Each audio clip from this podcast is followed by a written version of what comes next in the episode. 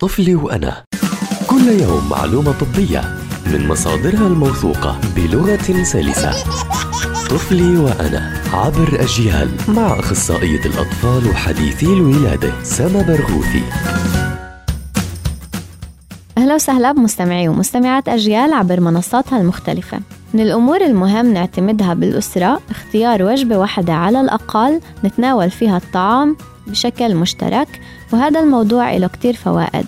أهمها إنها بتخفف انتقائية الطعام عند الأطفال لأنها بتعرضهم على أصناف مختلفة كل يوم والأطفال بياخدوا الأهل قدوة فلما يشوفوا أهلهم بياكلوا من أصناف مختلفة فالفرصة إنهم يقلدوهم بتكون أكتر.